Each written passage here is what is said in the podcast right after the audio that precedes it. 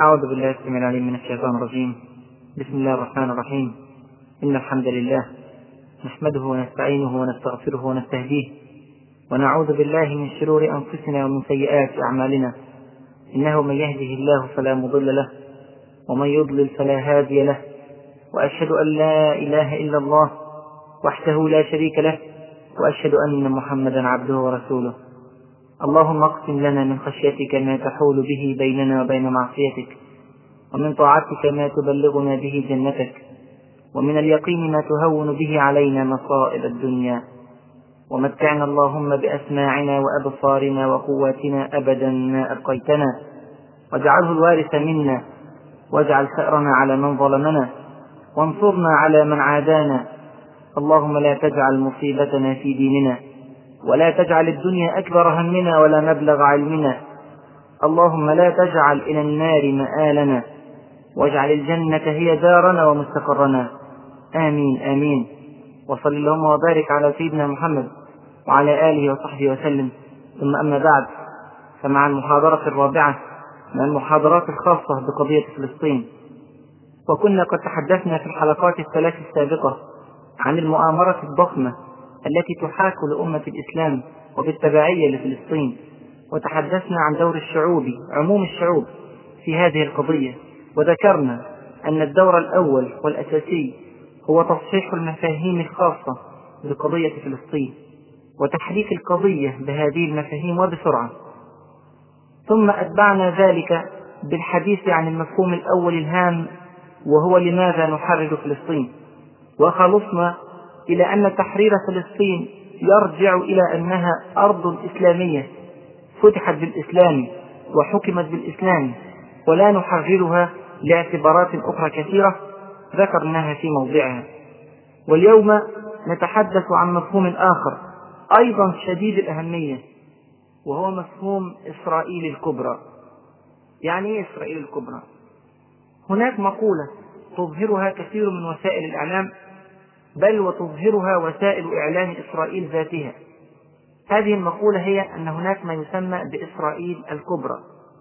إسرائيل الصغرى هي فلسطين. أما إسرائيل الكبرى في زعمهم فهي فلسطين بكاملها بما فيها طبعا الضفة الغربية وغزة. الأردن بكاملها لبنان بكاملها سوريا بكاملها. جزء كبير جدا من العراق. يصل في بعض الخرائط الإسرائيلية إلى الفرات وفي بعضها إلى دجلة. مصر حتى الفرع الغربي من النيل يعني أرض الدلتا داخلة كلها في أرض إسرائيل الكبرى. شمال السعودية حتى المدينة المنورة. بل في بعض الكتابات اليهودية يوضح اليهود أنهم يطمعون في أن تمتد حدودهم إلى حوالي 112 كيلو متر جنوب المدينة المنورة خيب الله ظنونهم. بعض الخرائط أيضا تضم جنوب تركيا إلى هذه الخريطة الواسعة. هل فعلا قضية إسرائيل الكبرى هذه قضية حقيقية تفكر فيها إسرائيل أم أنها مجرد أسطورة ذكرت في بعض الكتب أو ذكرت في بعض الصحف أو المجلات؟ الحق أن هناك إشارات كثيرة تشير أن إسرائيل تفكر فعلا في موضوع إسرائيل الكبرى. على سبيل المثال الكنيست الإسرائيلي. هناك خريطة كبيرة معلقة على باب الكنيست حدود هذه الخريطة هي من دجلة إلى النيل في مصر. من دجلة في العراق إلى النيل في مصر. معلقة في منتهى الوضوح على باب الكنيست عملة الشيكل الإسرائيلية في ظهر العملة خريطة من دجلة إلى النيل. أيضا هناك أمر ثالث من الشواهد أو الإشارات علم إسرائيل. علم إسرائيل خطين زرق بينهم نجمة داوود الخطين الزرق دولت إشارة إلى نهر دجلة أو الفرات والخط الآخر يشير إلى نهر النيل. لكن هذا الكلام ليس فقط بالإشارات بل هم يصرحون به أحيانا. من أبسط الأمثلة على ذلك مذكرات تيودور هرتزل وتيودور هرتزل هذا رجل له باع كبير جدا في إنشاء الدولة اليهودية في داخل أرض فلسطين وسيأتي الحديث عنه بالتفصيل. ذكر ثيودور هرزل في مذكراته أن حدود إسرائيل الكبرى التي ينوي أن يقيمها هناك في أرض فلسطين تمتد من نهر دجلة. إلى نهر النيل في مصر حتى إنه كان في حيرة من أمره. هذه هي الحدود التي بين الشرق والغرب. فأي الحدود في الشمال والجنوب؟ وذكر في مذكراته أنه التقى مع راهب إنجليزي وتناقش سويا في هذا الأمر وخلص أن الحدود الشمالية تصل إلى جبال في جنوب تركيا وتصل في الجنوب إلى المدينة المنورة حيث كانت قبائل بني قينقاع وبني قريظة وبني النضير في المدينة المنورة في زمان رسول الله صلى الله عليه وسلم. أيضا في خزانة روتشيلد وروتشيلد هذا من أسرى أثرياء اليهود وكان يعيش في زمن في دور هبزل في أوائل القرن العشرين وعثروا في خزانته على خريطة كتب عليها مملكة إسرائيل وهي أيضا تضم ذات الحدود. التي تحدث عنها تيودور هرزل من قبل. خطاب بن غوريون نفسه. بن غوريون أول رئيس لإسرائيل. خطب عندما كونت دولة إسرائيل في سنة 48 وقال إن خريطة فلسطين الحالية إنما هي خريطة الامتداد وللشعب اليهودي خريطة أخرى. يجب على شباب اليهود أن يحققوها. هي خريطة التوراة التي جاء فيها وهبتك يا إسرائيل ما بين دجلة والنيل إذا الأمر يصرحون به ويعلنونه وليس مجرد خواطر أو أفكار يرهبون بها الناس. ترى هل هناك شواهد عملية تثبت تحركهم في هذا الاتجاه؟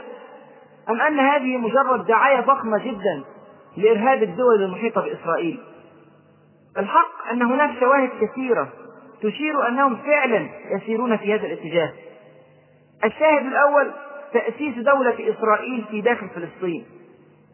والحق أن هذا الأمر من أكبر الشواهد على أنهم يسيرون بالفعل في اتجاه إنشاء إسرائيل الكبرى.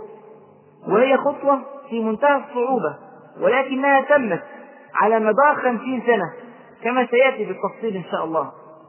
ثانيا حرب سنة 67 إسرائيل في سنة 67 تقدمت من حدود فلسطين إلى قطاع غزة وإلى الضفة الغربية وبذلك أكملت على كل فلسطين ثم تجاوزت ذلك إلى سيناء في مصر وإلى الجولان في سوريا وهي أجزاء داخلة في داخل حدود إسرائيل الكبرى. يعني بدأت تأخذ بالفعل خطوات عملية لتكوين ما يسمى بإسرائيل الكبرى.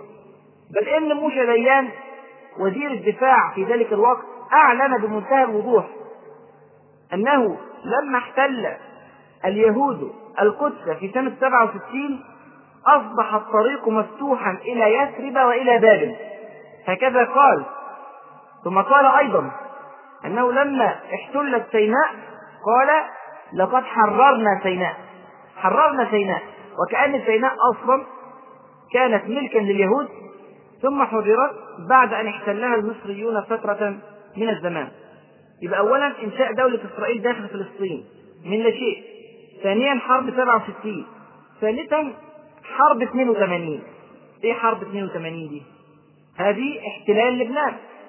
لبنان هذه داخلة في داخل حدود إسرائيل الكبرى أيضا. انطلق اليهود من داخل فلسطين لاحتلال لبنان حتى وصلوا إلى حدود بيروت. واستقروا هناك. قعدوا هناك قد إيه؟ 19 سنة. ولن يخرجوا إلا رغما عن أنوفهم كما سيأتي إن شاء الله في تفصيل تاريخ إسرائيل الحديث. رابعا حرب الخليج ذاتها. هي إشارة كبيرة جدا إلى ما تنوي أن تفعله آه، إسرائيل في المنطقة. نزول هذه القوات الضخمة جدا للأمريكان في هذه المنطقة والتي تعتبر في خريطة إسرائيل الكبرى هي الحدود الجنوبية. لدولة إسرائيل بالقرب من منطقة العراق تدمير القوة العسكرية لدولة العراق وهي الدولة التي يدخل كثير من أرضها في داخل حدود إسرائيل الكبرى. واستقرار الجيوش الأمريكية في هذا المكان كل هذه إشارات إلى تأمين هذه الحدود الشرقية لمملكة إسرائيل الكبرى. أنا بتخيل شكل إسرائيل الكبرى عبارة عن دوائر كل دائرة أوسع من الدائرة التالية. تخيل معي أن الدائرة الصغرى هي أرض فلسطين ذاتها. ودي خلاص اليهود قدروا يسيطروا على معظمها وبقيت بعض المناطق في الضفة الغربية وفي غزة وهم يسعون إلى احتلالها وضمها وقد فعلوا ذلك من قبل في سنة 67 ثانيا الدائرة المحيطة الأوسع هي دائرة مصر والأردن وسوريا ولبنان. هذه الدائرة حاولوا من قبل أن يدخلوها بالسلاح ولكنهم فشلوا أو خرجوا من مصر في سنة 73 ثم بعد ذلك بالمعاهدة. وإن كان هناك سلبيات كثيرة كما سيأتي في الحديث عن المعاهدة. وخرجوا أيضا من لبنان في سنة 2000 لكن هناك هذه الدائرة التي تحاول إسرائيل أن تمتد إليها. هذه الدائرة الآن بعد أن أخروا إلى حد ما الحل العسكري بدأوا في محاولة إنشاء علاقات طيبة في داخل هذه البلاد عن طريق أمريكا وبذلك يحاولون السيطرة على روح العداء في هذه الشعوب. فتصبح شعوبا صديقة ومع مرور الوقت يحدث الأمان لإسرائيل ثم يغدر اليهود كعادتهم ويهجمون حين لا يتوقع أحد الهجوم. يبقى إذا هذه الدائرة التالية لأرض فلسطين وقد تضم إليها دولة السعودية فهي أيضا على علاقات طيبة مع أمريكا والعلاقة طيبة جدا جدا كما سنأتي بين أمريكا وإسرائيل بل هي أكثر من أن تكون طيبة. فيها أمور أخرى نؤجل الحديث عنها إلى محاضرة لاحقة. الدائرة التي تتبع هذه الدائرة الملاصقة لدولة فلسطين هي دائرة تضم دولة العراق وشاهدنا ما حدث في العراق في حرب الخليج. دائرة تضم دولة السودان وهناك مساعدات ضخمة جدا من اليهود لجون جارينج بجنوب السودان للسيطرة على هذه المنطقة. ومنع المد الإسلامي من النزول إلى وسط أفريقيا. أيضا هذه الدائرة الواسعة تضم ليبيا وعليها حصار اقتصادي ضخم من أمريكا تضم أيضا تركيا في الشمال وهناك علاقات قوية جدا جدا بين إسرائيل وبين تركيا. يعني في ثلاث دوائر تقريبا دايرة صغيرة حواليها دايرة أوسع ثم دايرة أوسع مطلقا وكل هذه الدوائر تعمل فيها إسرائيل سواء عن طريق العساكر أو سواء عن طريق المفاوضات أو سواء عن طريق الضغوط والحصار لكن المهم أن هناك فعل يتم في كل بلد من هذه البلاد بحيث على مدار السنوات يتم ما يسمى بإسرائيل الكبرى. أيضا في هذه المنطقة كل الدول الموجودة توقع على معاهدة لمنع نشر الأسلحة النووية أو الكيميائية أو البيولوجية أسلحة التدمير الشامل كما يقولون إلا دولة إسرائيل. لا توقع عليها. هكذا في منتهى الوضوح والصراحة. إسرائيل تملك هذا السلاح ولا يتحرك أحد في العالم أو لا تتحرك الأمم المتحدة المزعومة لإرغام إسرائيل كما أرغمت الآخرين على توقيع هذه المعاهدة. إذا كان هذا السلاح فعلا محرم على شعوب العالم فلا بد أيضا من أن يحرم ويجرم في دولة إسرائيل لكن هذا لا يتم.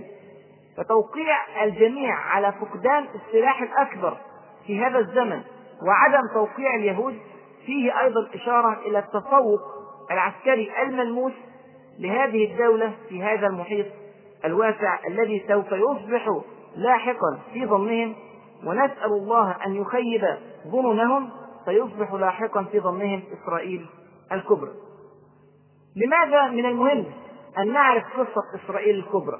لماذا من المهم أن نعرف إن كان هذا حقيقة أم مجرد أسطورة؟ لا يسعى إليها أحد ولكنها مجرد خيال.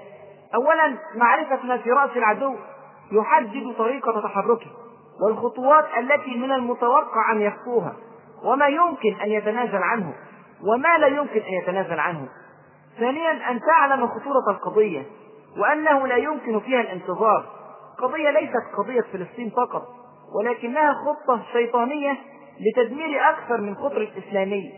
وأنا على يقين من أنه لو مكن لليهود من احتلال البلاد الداخلة تحت مسمى إسرائيل الكبرى فإنهم سوف ينشرون خريطة أخرى توسع أملاك اليهود وتذكر آيات في التوراة تضم بها ليبيا أو السودان أو بقية السعودية أو اليمن أو إيران أو غيرها من البلاد. فويل للذين يكتبون الكتاب بأيديهم.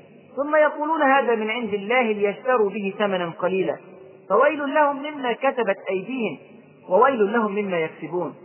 ثالثا بمعرفة هذا المخطط فيسهل عليك أن تشعر بمشاعر الفلسطينيين وما هم فيه من ألم ومصاب. فكونك تعلم أن الخطر قريب جدا منك يجعلك تتحرك بحمية وبسرعة. تخيل معي لو عرفت مثلا أن مدينة من مدن العالم بها وباء كوليرا. فإنك قد تتعاطف تعاطفا وجدانيا أو ماديا مع هذه المدينة ولكن إلى حد معين. أما إذا علمت أن الكوليرا في المدينة المجاورة وأنه من الطبيعي جدا ومن السهل جدا ومن المتوقع جدا أن تكون في مدينتك بعد يوم أو يومين أو شهر أو شهرين فإن استعدادك سيكون مختلفا بالكلية. هكذا لما تعلم أنه في تخطيط إسرائيل أن تكون في بلادك بعد يوم أو يومين أو شهر أو شهرين. سيكون رد فعلك مختلفا بالكلية عن كونك تساعد قوما يعيشون في بلد ما يحاربون اليهود. رابعا استراتيجيا وبلا أي عوامل أخوة أو شرع أو واجب ديني. هل من المصلحة أن تكون الحدود الملاصقة لك مباشرة هي حدود دولة قوية يهودية نووية مسلحة بكل أنواع الأسلحة الحديثة وفي قلبها كراهية معلومة لك أم أن تكون حدودك مع دولة مسلمة شقيقة إن حدث خلاف بينك وبينها فإنه مهما تعاظم فإنه يكون إلى حدود. ومهما تباينت المواقف تبقى الشعوب يربطها رباط واحد وهو الإسلام. إذا قضية إسرائيل الكبرى قضية حقيقية. يدبر لها في خفاء ويدبر لها في إعلان. بل لعلي لا أكون مبالغا إن قلت إن الجزء الأكبر والأهم والأصعب قد حدث بالفعل وهو تأسيس دولة إسرائيل في داخل فلسطين وهم على الجزء المتبقي أقدر إلا أن يمن الله على المسلمين بتوبة وطاعة وعمل وجهاد. تعالوا نشوف تاريخ إنشاء دولة إسرائيل المزعومة. تعالوا أريكم العجب العجاب. تعالوا نرى كيف أن رجلا يتبعه بعض الرجال. أفلح في سنوات معدودات أن يغير من تاريخ المنطقة بل ويغير من تاريخ العالم. هذا الرجل كما ذكرناه من قبل في أول المحاضرة هو تيودور هيرزل. رجل من أول زعماء الصهيونية أو أول زعماء اليهودية الذين سعوا إلى تكوين دولة في داخل أرض فلسطين. من هو تيودور هيرزل؟ هو يهودي مجري يعمل في صحيفة في النمسا من مواليد سنة 1860 في سنة 1895 يعني كان عنده ساعتها 35 سنة ألف كتابا سماه كتاب الدولة اليهودية. في هذا الكتاب طرح فكرة إنشاء دولة لليهود تكوين دولة لليهود في العالم. اليهود في ذلك الزمن كانوا مشتتين في كل بقاع الأرض. يهود هناك في روسيا في إنجلترا في فرنسا في ألمانيا في شرق أوروبا في الحبشة في أمريكا في البلاد العربية في أماكن كثيرة جدا مشتتة تماما ويعاملون باضطهاد ملحوظ في معظم بلاد العالم إلا في الدولة العثمانية. والله هذا كلام صحيح. لم يجدوا أمانا إلا في دولة المسلمين. لكن هناك معاناة ضخمة جدا في كل بقاع الأرض لليهود. طبعا كل الناس في الأرض فعلا بتكره اليهود. كراهية غريبة جدا متأصلة في قلوب الناس وهذا من أفعالهم. كتب الله عليهم الذلة والمسكنة فعلا. هناك يحاولون أن يتذللوا للناس ويتمكنوا لهم حتى يمكن لهم في الأرض. فإن مكن لهم في مكان أذاقوا الناس الويلات وقاموا بالمؤامرات والمكائد. وخططوا لأشياء كثيرة في الخفاء جعلت الكراهية تدب في قلوب الجميع لهم. والله حتى أمريكا حتى الأمريكان اللي هم أكثر ناس دلوقتي بيساعدوا اليهود. لو خدت واحد أمريكي على جنب كده وكلمته في قضية اليهود وهو اتأكد واطمأن أنه لا يسمع حديثه أحد يعني ما حدش هيتهمه بمعاداة السامية. سيبدأ يتحدث عن اليهود حديث غريب وعجيب لا تتخيل أنه أمريكي. يسب ويلعن. في كل ما هو يهودي. وقالت اليهود ليست النصارى على شيء. وقالت النصارى ليست اليهود على شيء. النصارى يعتقدون اعتقادا جازما. وهذا الاعتقاد بالطبع خاطئ. أن اليهود قتلوا المسيح. وما قتلوه وما صلبوه. ولكن شبه لهم. لكن الحق أن اليهود حاولوا أن يقتلوا المسيح عليه السلام. حاولوا ذلك ولكن الله رفعه. لكن هناك كراهية شديدة جدا في قلوب المسيحيين لليهود وتاريخ المسيحيين مليء بكثير جدا من الكراهية لليهود وكثير جدا من الخلافات وكثير جدا من الثورات من اليهود على المسيحيين ومن المسيحيين على اليهود.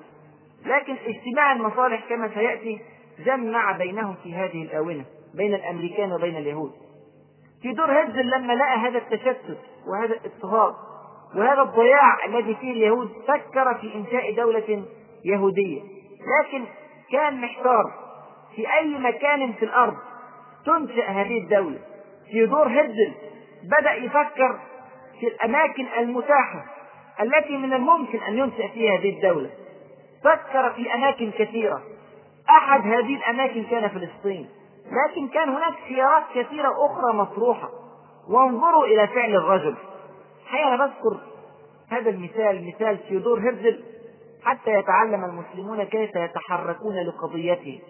هذا الرجل وإن كان علمانيا أصلا يعني حتى أصلا ملته غير أنها يهودية هو لا يؤمن بهذه اليهودية. كل ما يريده هو تكوين دولة علمانية دولة صهيونية سياسية لليهود. لكن ليس له ارتباط وثيق بالتوراة كما سيأتي. هذا الرجل بذل مجهودا يعجز عن بذله كثير من المسلمين. مع أنهم يرجون جنة ويخافون نارا وهو لا يرجو ثوابا ولا يخاف عقابا. تيودور هرزل فكر على سبيل المثال في ليبيا. ليبيا في ذلك الوقت كانت منفصلة عن الدولة العثمانية. وليبيا كما تعلمون أقرب البلاد إلى إيطاليا. إيطاليا في شمال ليبيا بعد البحر الأبيض المتوسط. ذهب تيودور هرزل من النمسا إلى إيطاليا. وقابل ملك إيطاليا هناك وطلب منه أن يساعده في تكوين دولة يهودية في أرض ليبيا على أن يجعل له بعد ذلك تسهيلات كثيرة للإيطاليين في أرض ليبيا أو أرض اليهود كما يريد. ملك إيطاليا الحقيقة فكر في الموضوع ثم رفض ولم يدرك في دور هرزل في ذلك الوقت أن لإيطاليا أطماع كبيرة في ليبيا البلاد المقابلة بعد ذلك بسنوات تأتي إيطاليا وتحتل ليبيا في سنة 1911 كما تعلمون. لم ييأس في دور هرزل فكر في موزمبيق. شوفوا قد إيه تفكير حاجات بعيدة جدا جدا عن أرض فلسطين. أي مكان يضم اليهود ويجعل لهم دولة. فكر في موزمبيق. موزمبيق في ذلك الوقت مستعمرة برتغالية. ذهب إلى ملك البرتغال وطلب منه أن يساعده في إنشاء دولة يهودية في موزمبيق.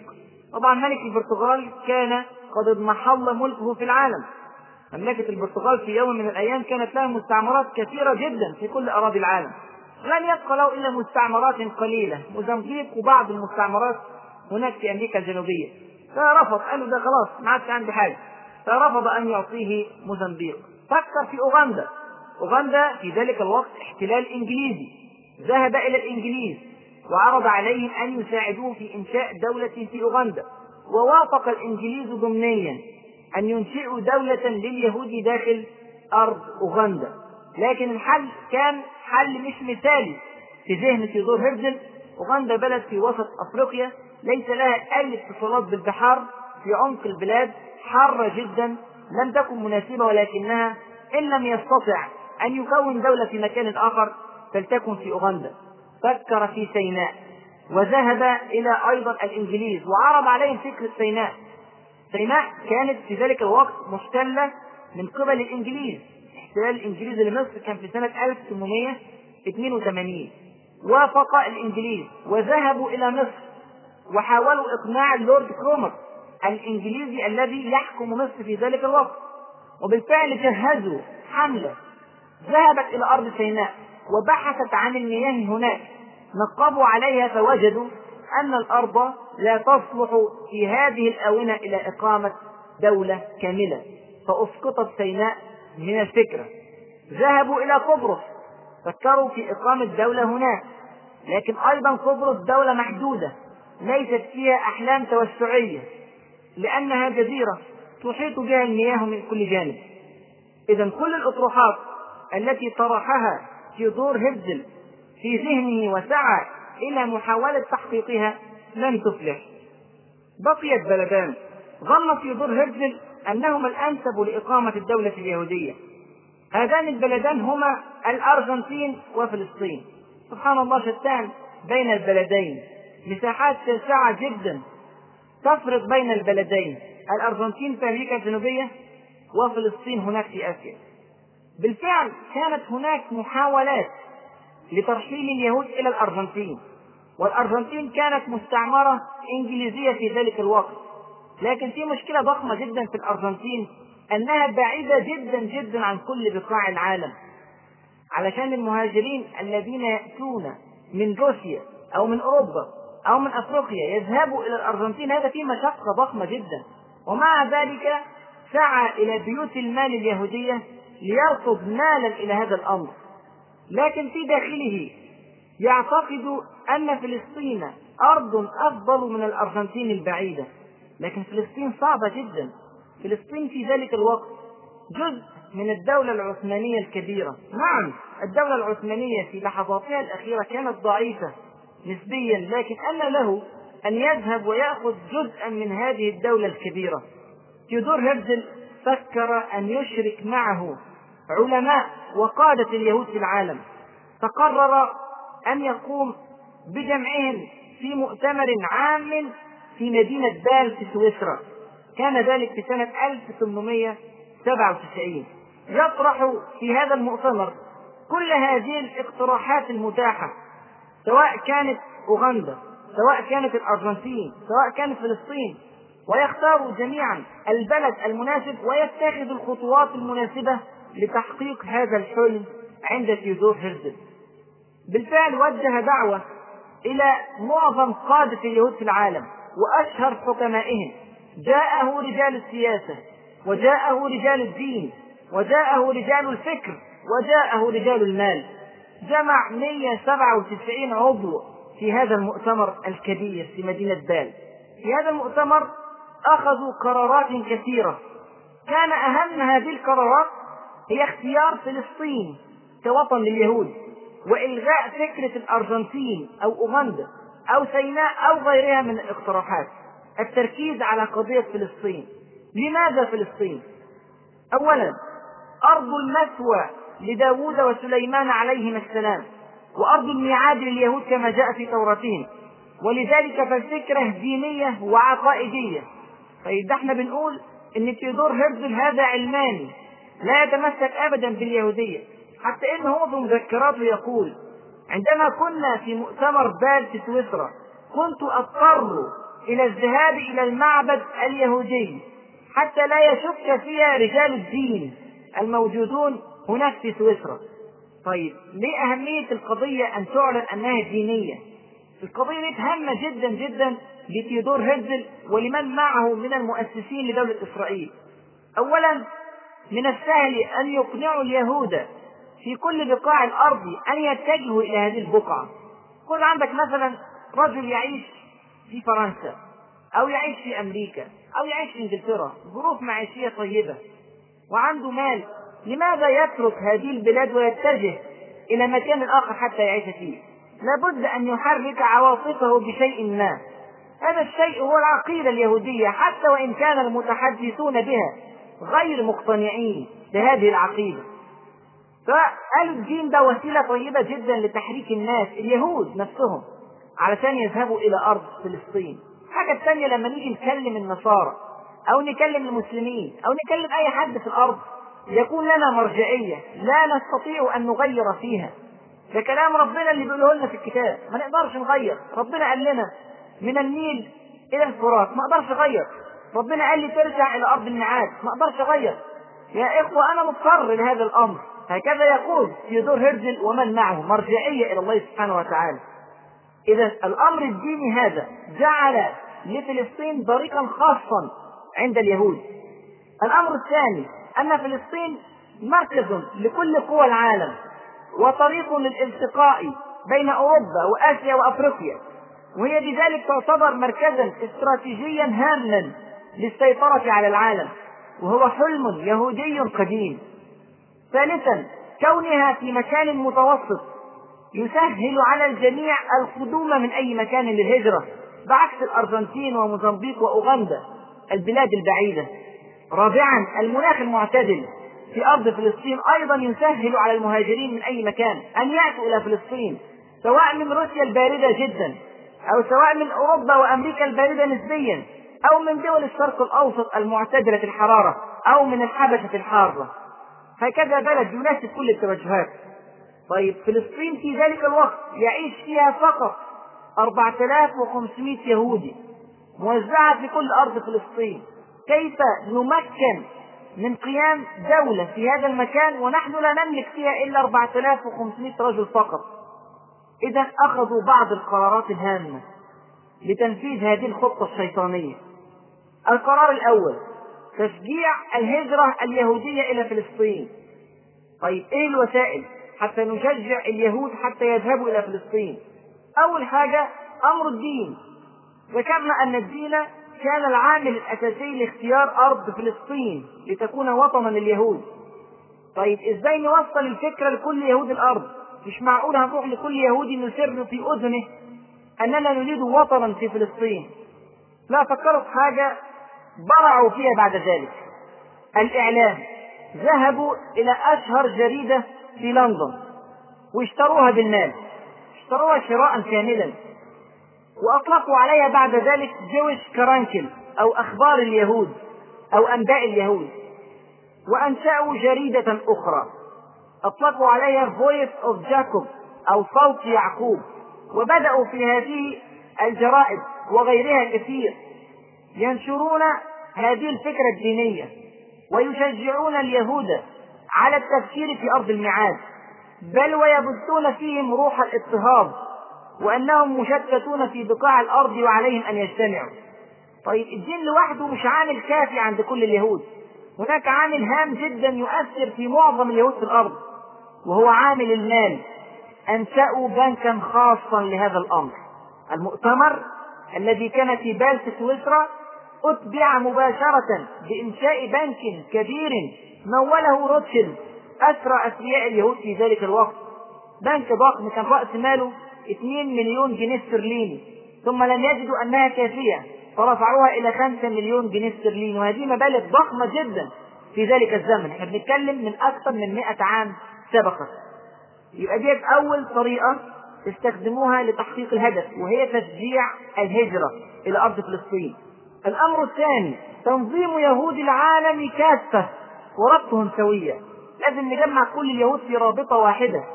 يفكروا سويا كل عام. فكروا بأن يكرروا هذا المؤتمر في كل عام مرة.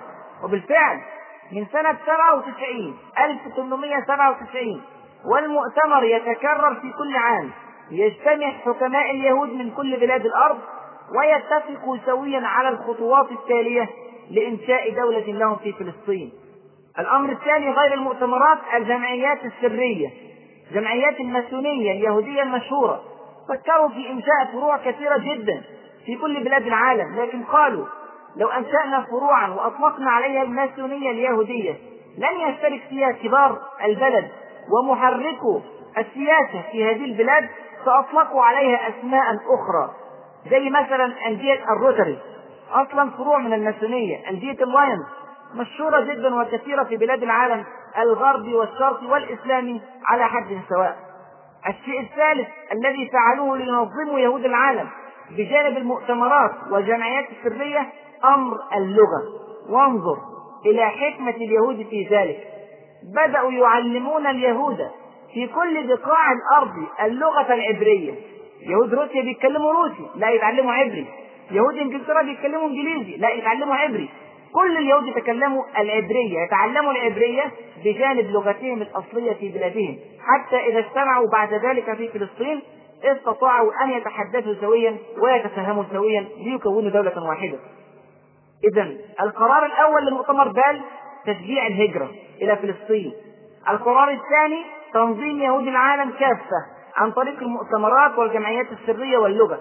الأمر الثالث وهو في غاية الأهمية السعي إلى الاعتراف الدولي في العالم. كل اليهود دولت ما لهمش أي حاجة تجمعهم ما لهمش أي كيان معلن ما لهمش أي هيئة رسمية. إزاي ناخد اعتراف العالم؟ لابد أن تثبت أركان هذه الدولة دولة قوية لها باع في الأرض في ذلك الزمن. يا ترى إيه هي الدول المطروحة على الساحة في ذلك الزمن في أواخر القرن التسعة عشر أول دولة خطرت على أذهانهم هي إنجلترا. ذهبوا إلى إنجلترا وفكروا أن يستعينوا بها في إقامة دولة لهم في فلسطين. مع أن إنجلترا لا تحكم فلسطين في ذلك الوقت. فلسطين كانت تبع الدولة العثمانية. لكن إنجلترا قوة عظمى في ذلك الزمن وتحاول أن تسيطر على العالم ولها ممتلكات في كل بقاع الأرض. وافقت إنجلترا. على مساعدة اليهود في تكوين بلد لهم في داخل أرض فلسطين لماذا توافق إنجلترا على مساعدة اليهود ما هي وسائل الضغط التي يملكها اليهود حتى يؤثروا في دولة عظمى كبرى مثل إنجلترا في ذلك الزمان حتى تهتم بأمر هؤلاء المشتتين المشردين المكروهين من إنجلترا شخصيا. اولا عرض تيودور هيرزل لزعماء انجلترا بالتحالف معهم في هذه البلاد بعد أن تحالف أعداء انجلترا مع أصدقاء في هذه المنطقة. روسيا في منطقة الشرق الأوسط تحالفت مع الأرثوذكس الفلسطينيين الأرثوذكس النصارى في ذلك المكان. طبعا روسيا في ذلك الزمن كانت قيصرية أرثوذكسية متشددة جدا. فتحالفت مع الأرثوذكس في بلاد الشرق الأوسط. وبذلك استطاعت أن تنفذ إلى هذه البلاد. فرنسا تحالفت مع الموارنة وبالذات في لبنان.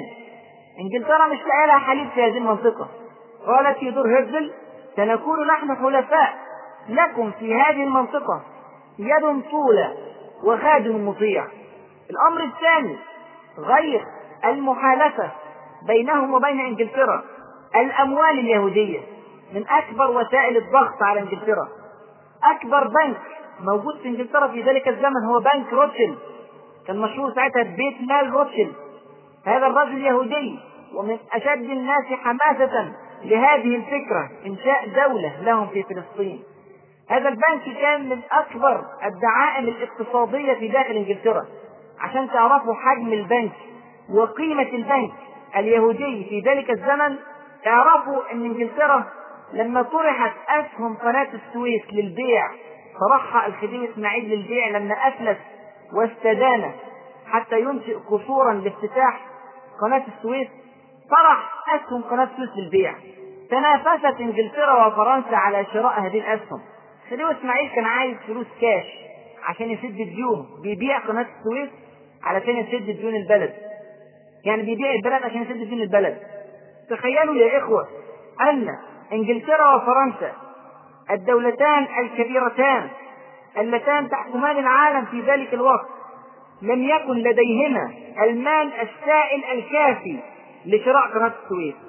إنجلترا كحكومة أسرعت مباشرة إلى روتشيلد واقرضها مالا سائلا يكفي لشراء قناة السويس. تخيلوا حكومة دولة عظمى بتقترض من رجل يهودي بيعيش في إنجلترا. اذا تأثير ضخم جدا يقوم به اليهود عن طريق هذا المال. اذا الأمر الأول أنهم يشجعون إنجلترا على أن يكونوا حليفا لها هناك في فلسطين.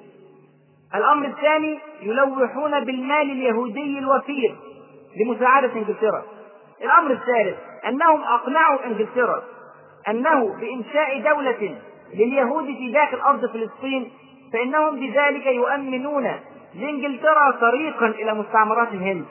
الهند في ذلك الوقت كانت مستعمرة إنجليزية والطريق لها طويل وبعيد. فيريد اليهود أن يؤمنوا طريقا عبر فلسطين ثم إنشاء طريق حديدي من فلسطين إلى الخليج العربي. ثم بعد ذلك تنتقل البضائع والجنود وغير ذلك من فلسطين إلى الهند. اذا بيسهلوا على إنجلترا الطريق إلى مستعمرة من أكبر المستعمرات الإنجليزية في ذلك الوقت. الأمر الرابع استراتيجيا مكان رائع مدخل الشرق وقريب من قناة السويس ومضيق الدردنيل في الشمال عند تركيا يعني بالسيطرة على هذا المكان وإنشاء دولة مرتكزة لإنجلترا في هذه المنطقة يعيش فيها أعوان وحلفاء يسيطر الإنجليز مستقبلا على قناة السويس وبالتالي على البحر الأحمر وعلى مضيق الدردنيل أو البسفور وبالتالي على البحر الأسود. يعني سيطرة على كل المنطقة. الأمر الخامس قاله هرزل في مقولة له مع وزير خارجية بريطانيا. من أجل أوروبا هكذا يقول هرزل من أجل أوروبا سوف نبني هناك حاجزا في مواجهة آسيا وسنكون حراسا مقدمة للحضارة ضد البربرية. يقصد بذلك المسلمين. يعني بيقول لهم أنا هكون خط الدفاع الأول لكم. هناك أول ضربة يتلقاها الغرب ستتلقاها إسرائيل. ثم بعد ذلك تصل الضربات إليكم. والحقيقة ده واقع. أو إسرائيل زرعت في هذا المكان تتلقى ضربات المسلمين تشغل المسلمين بحربها. وهناك إنجلترا وفرنسا وأمريكا وغيرهم بيتحكموا في الأمور عن بعد. تحكم عن بعد في أمن وإسرائيل تواجه. في مقابل إنشاء دولة لهم وكانوا قبل ذلك في الشتات إذا إنجلترا عندها دوافع قوية وكثيرة لإنشاء دولة لليهود في داخل أرض فلسطين. ولا بد أن تسعى جاهدة لتحقيق مصالحها الشخصية اولا ثم لتحقيق مصالح اليهود الغير متعارضة بالمرة مع مصالح الإنجليز. ده كان موقف اليهود من إنجلترا وذكرنا أن إنجلترا كانت دولة عظمى في ذلك الزمن. تسيطر على بقاع كثيرة وتغير من موازين الأرض في ذلك الوقت. الدولة الثانية الكبرى العظمى في ذلك الزمن ألمانيا. وألمانيا على خلاف عميق مع إنجلترا وبعد قليل كما تعلمون ستقوم الحرب العالمية الأولى. ستكون ألمانيا في فريق وتكون إنجلترا في فريق آخر ومع ذلك ذهب تيودور هرزل إلى ألمانيا يطلب منهم أن يساعدوهم في إنشاء دولة يهودية في فلسطين. سبحان الله. يعني بيتصرف على إيه؟ على ناحيتين. بيتكلم مع انجلترا ومع عدو انجلترا. واللي ينجح الأول في تحريك القضية آه بيمشي معاه تيودور هرزل مفيش أي مبادئ. كل ما يحكمه فقط المصالح. استغل تيودور هرزل العلاقات الطيبة بين ألمانيا في ذلك الوقت وبين الدولة العثمانية. وعرض على الألمان أن يساعدوه في إنشاء الدولة اليهودية. وقابل قيصر ألمانيا. وتعرفوا قبله فين؟ قبله هناك في فلسطين. قيصر ألمانيا كان بيزور فلسطين تيودور هرزل راح لحد فلسطين وقابل قيصر ألمانيا. وعرض عليه الفكرة لكن لم يجد حماسا كافيا من قيصر ألمانيا. تفتكروا ليه؟ قيصر ألمانيا يعيش عنده هناك في ألمانيا أعداد ضخمة من اليهود. وهو يكرههم كراهية شديدة. كما ذكرنا. ويخشى أنه إن ساعد اليهود يشعرون أنهم تحت حمايته فلا يتركوا ألمانيا أبدا. هو قيصر ألمانيا عايز يطلع اليهود من ألمانيا زي ما جه بعد كده هتلر ونفذ اللي كان قيصر ألمانيا بيفكر فيه. يبقى إذا ما فلحش في دور هرتزل في علاقاته مع ألمانيا وإن كان سعى لها.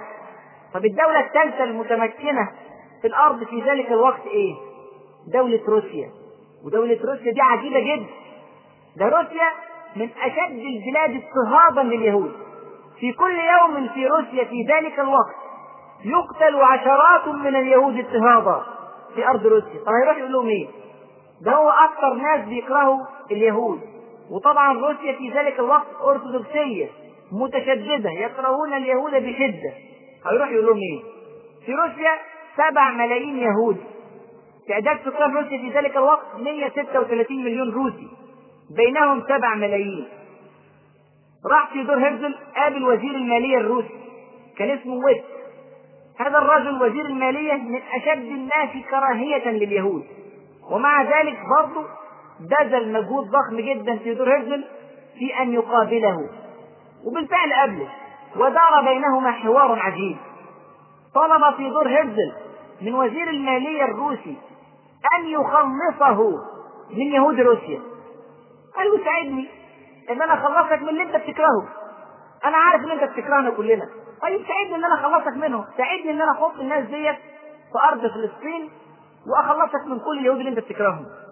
انظر كيف يفكر تيودور هرزل في كل بلد يسعى إلى تحقيق مصلحة ما ويضرب على وتر ما وزير المالية الروسي رد عليه قائلا إيه قال له إيه؟ أنا الحقيقة كان رأيي إن أنا ما هجرش اليهود. أنا كان رأيي إن أنا أغرق كل اليهود في البحر الأسود. وأخلص منهم بالكلية. لا تبقى روسيا ولا تبقى فلسطين ولا يبقى في يهود في أي حتة في العالم. لكن للأسف اليهود بيملكوا 50% من اقتصاد روسيا. ومش هنقدر نغرقهم. فيعني مش هقدر أساعدك في الموضوع ده. فرد المسكت. ما يأس من هذه المقابلة الجافة جدا من وزير المالية الروسي. قال له إيه؟ بدأ يضرب على وتر آخر. فقال له إن جندا من الأتراك المسلمين يحرسون قبر المسيح عليه السلام في فلسطين. يعني أنتوا أرثوذكس ومتشددين وسايبين المسيح عليه السلام يحرس بجند من المسلمين. شوف ويبس يرد عليه يقول له إيه؟ وزير المالية الروسي يقول ربما يكون أعظم سوءا لو كان اليهود هم حراسه يعني أرحم المسلمين أرحم من اليهود. لكن برضه تيودور هرزل قعد يقول له أنا أريد منك بعض التشجيع على الهجرة. بلاش كامل التشجيع. فقال نحن نشجع اليهود على الهجرة بركلات الأقدام. فقال لا أريد هذا النوع من التشجيع. ولكن بطلب من السلطان عبد الحميد أن يسمح لهم بشركة امتياز ويفرض ضرائب على اليهود هناك في روسيا. غريبه جدا تيودور هرزل بيقول له عايزك تعمل لي أو تطلب من السلطان عبد الحميد انه يعمل لي شركة امتياز يهودية في فلسطين. طب دي مفهومة. وبيطلب منه كمان انه يفرض ضرائب على اليهود في روسيا. طب ليه؟ علشان يطفشهم من روسيا. ليجعلهم يرغبون في الهجرة. ويعطي تسهيلات لهم حتى يتركوا هذه البلاد. والناس العادة تبقى في روسيا. من أهل الاقتصاد والمال يبقوا في روسيا. رفض وزير المالية الروسي كل هذه الاقتراحات. وطرد تيودور هرزل وأعلن رفضه بالكلية بل بعدها بأيام أو شهور قليلة أقام مذبحه ضخمة جدا لليهود هناك في أرض روسيا. ومن ساعتها واليهود يدبرون لقلب نظام الحكم في روسيا لأنها لم تقف معهم إلى أن أفلحوا في ذلك في سنة 1917 بعد حوالي 17 أو 18 سنة من هذا اللقاء الدامي الذي تم بين تيودور هيرزل وبين وزير المالية وسيأتي تفصيل ذلك إن شاء الله.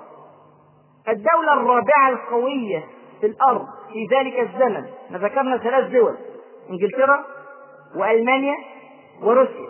طبعا فرنسا كانت قوية لكن فرنسا ماشية مع إنجلترا. تعتبر دولة واحدة. الدولة الرابعة هي الدولة العثمانية. والدولة العثمانية في غاية الأهمية. ليه؟ لأن هي الدولة التي تمتلك فلسطين. الأرض التي يريد أن يقيم فيها اليهود دولة. فالدولة العثمانية دولة في غاية الأهمية.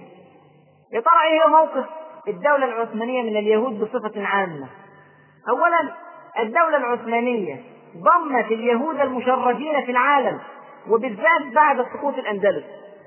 تخيلوا الأندلس كان عايش فيها كميات كبيرة من اليهود تحت الحماية الإسلامية.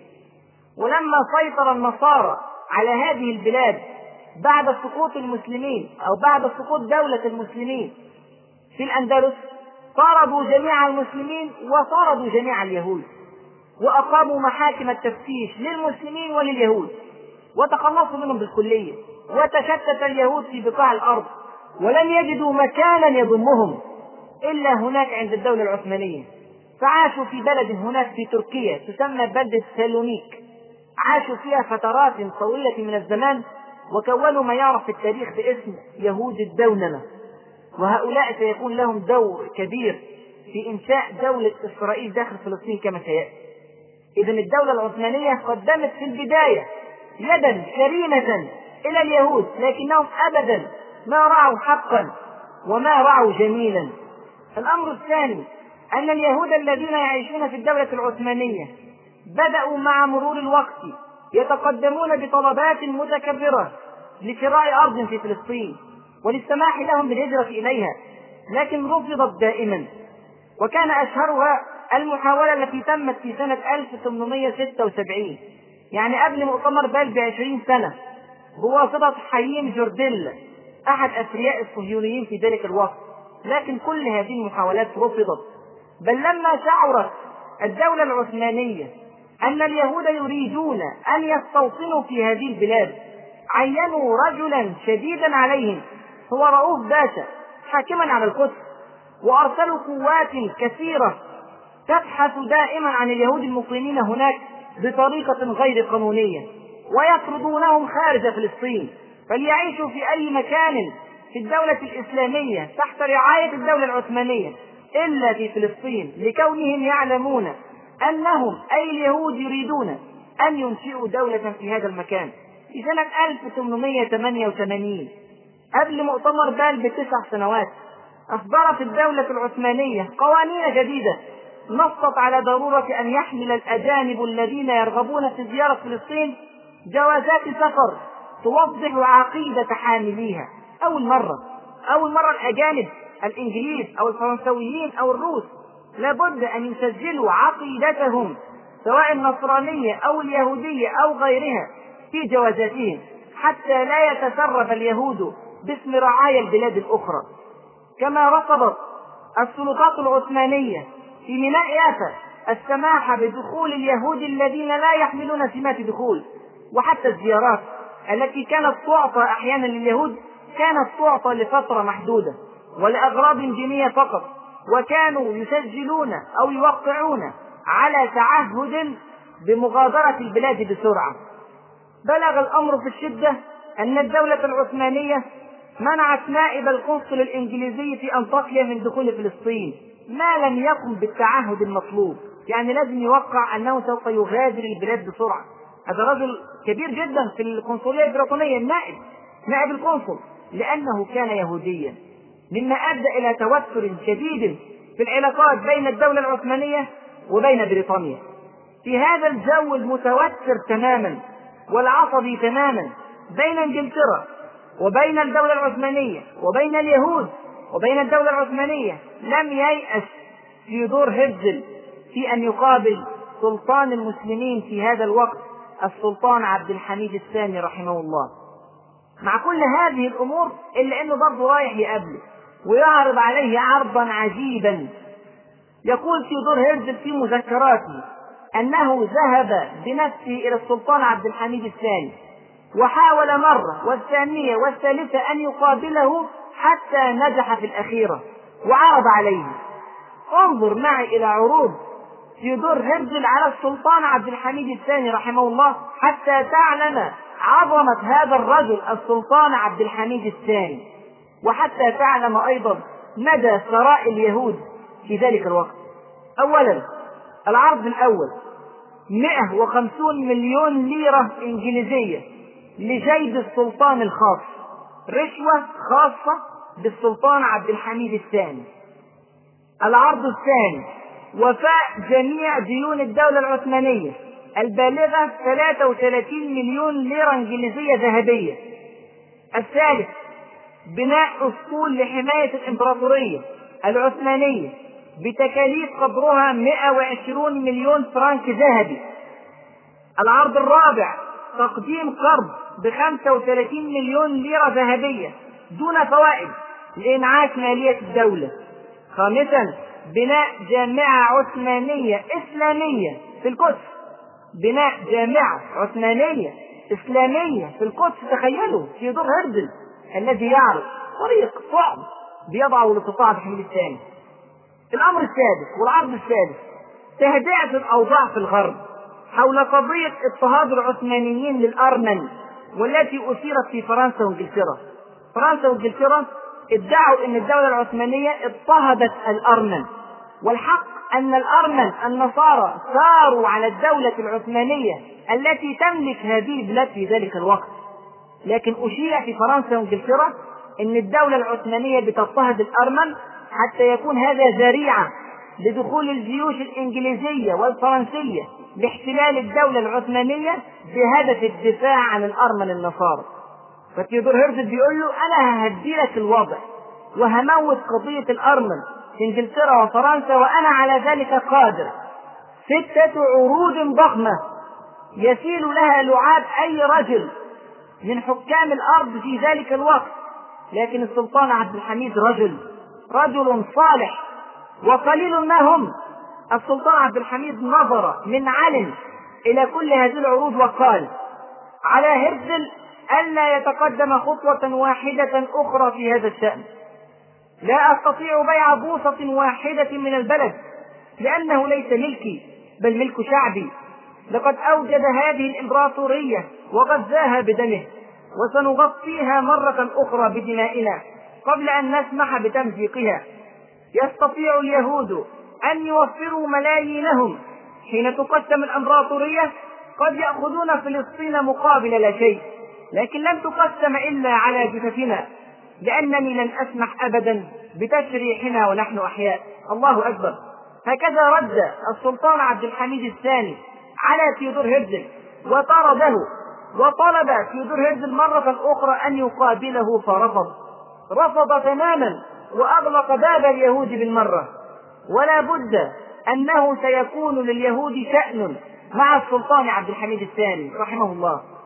أذكر مقولة قالها تيودور هرزل بعد هذا الرفض وسجلها في مذكراته وعرضها في مؤتمرهم بعد ذلك على اليهود. قال في حال استمرار رفض السلطان عبد الحميد للمطالب الصهيونية فإن تحطيم الإمبراطورية العثمانية شرط أساسي لإقامة حكومة صهيونية في فلسطين. يعني بعد هذا اللقاء في دور هيدزل ومن معه في مؤتمراته قرروا أن يسقطوا السلطان عبد الحميد الثاني. إذا نلخص ما سبق أن اليهود بدأوا ينظرون إلى قوى الأرض في ذلك الزمان وضعوا أيديهم في أيدي إنجلترا وفشلوا أن يتعاهدوا مع ألمانيا وفشلوا أيضا أن يتعاهدوا مع روسيا ولكن روسيا ردت ردا شديدا عليهم. ففكروا في قلب لنظام الحكم هناك.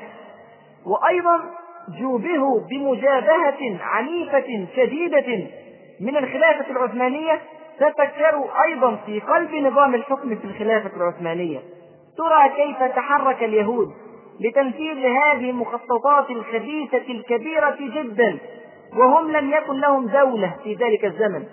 ترى كيف سعوا لإسقاط الدولة العثمانية وترى كيف سعوا لإسقاط الدولة الروسية القيصرية وترى كيف نفذت إنجلترا مخططات اليهود. هذا ما نتداوله وغيره إن شاء الله في المحاضرة القادمة. أقول قولي هذا وأستغفر الله لي ولكم وجزاكم الله خيرا كثيرا.